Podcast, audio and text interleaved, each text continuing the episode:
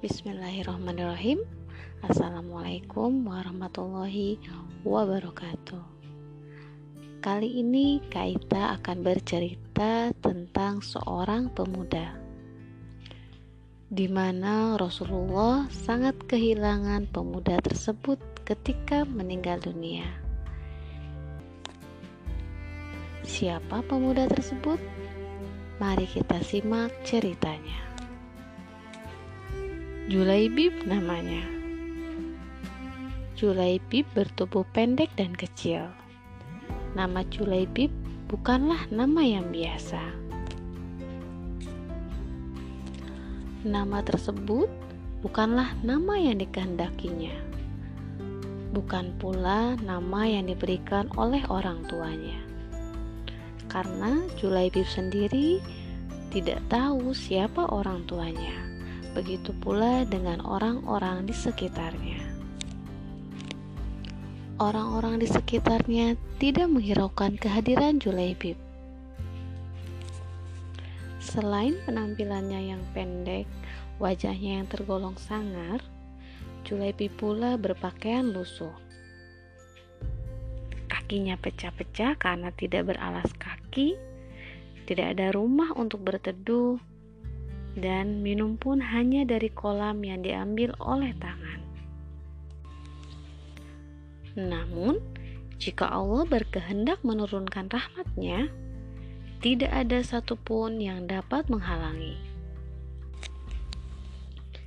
Julaibib menerima hidayah, dan ia pun masuk Islam. Dia selalu berada di barisan terdepan ketika sholat dan jihad di jalan Allah.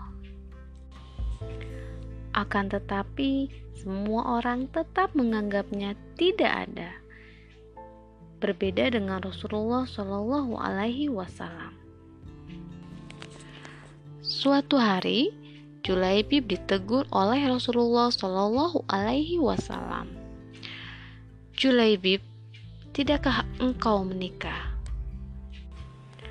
Sambil tersenyum santun, Julaibi berkata, Siapa orangnya ya Rasulullah yang mau menikahkan putrinya dengan diriku ini?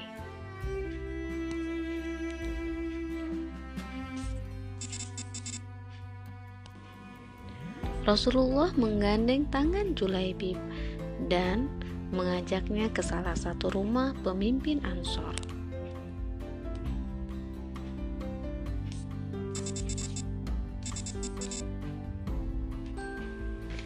Rasulullah berkata kepada tuan rumah, "Aku ingin menikahkan putri kalian." Dengan wajah berseri-seri, tuan rumah menjawab, "Indahnya dan betapa berkahnya." Ia mengira bahwa Nabi akan melamar anaknya. Dan Rasulullah Shallallahu Alaihi Wasallam pun berkata, tetapi bukan untukku. Kupinang putri kalian untuk Julaibib. Tentu saja tuan rumah tersebut sangat kaget. Dan tuan rumah tersebut pun berkata, "Biar saya bicarakan hal ini dengan istri saya terlebih dahulu." Tentu saja, sang istri pun kaget mendengar bahwa Julaibib yang berwajah kumal dan tidak berharta akan meminang anaknya. Tiba-tiba sang putri yang berada di balik tirai berkata, "Siapa orang yang meminta?" Apakah kalian akan menolak permintaan Rasulullah Shallallahu Alaihi Wasallam? Demi Allah, kirim aku padanya.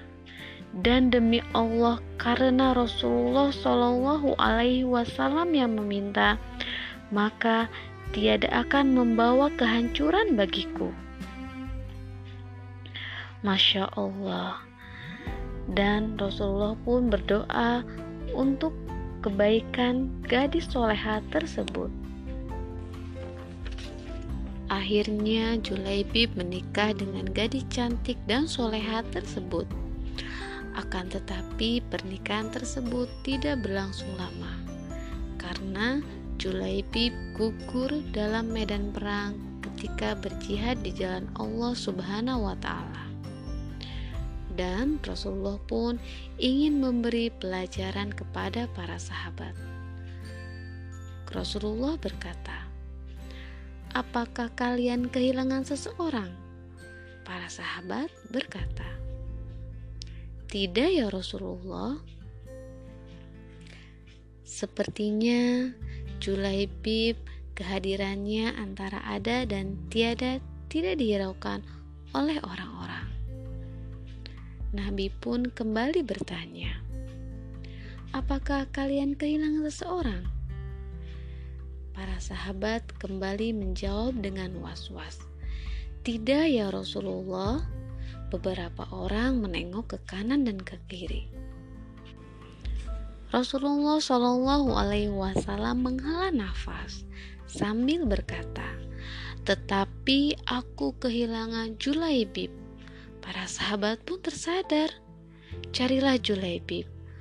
Maka Julaibib ditemukan dengan keadaan meninggal, di mana luka-luka terdapat sekujur wajahnya. Rasulullah Shallallahu Alaihi Wasallam sangat kehilangan Julaibib. Rasulullah Shallallahu Alaihi Wasallam pun dengan tangannya sendiri mengafani jasad Julaibib dan segera disolatkannya.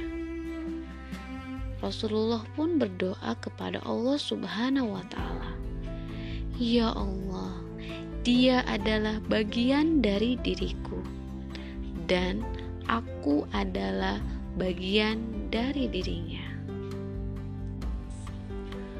Apalah artinya wajah yang tampan, cantik, dan harta yang banyak? jika hati tidak tenang dan tidak bahagia serta tidak bertakwa kepada Allah Subhanahu wa taala. Maka cukuplah harta yang sedikit tapi berkah. Teman-teman, tidak mudah menjadi julaibib. Akan tetapi dengan ketakwaan kepada Allah Subhanahu wa taala membuat julaibib dapat menerima takdirnya. Dari kisah Julaibib, kita dapat mengambil banyak pelajaran bahwa kita tidak perlu meratapi diri sendiri dan untuk selalu pasrah dengan apa yang sudah ditakdirkan. Demikian kisah pemuda yang kepergiannya menjadikan Rasulullah Shallallahu Alaihi Wasallam sangat kehilangan. Sampai bertemu lagi dengan kisah-kisah selanjutnya. Wassalamualaikum warahmatullahi wabarakatuh.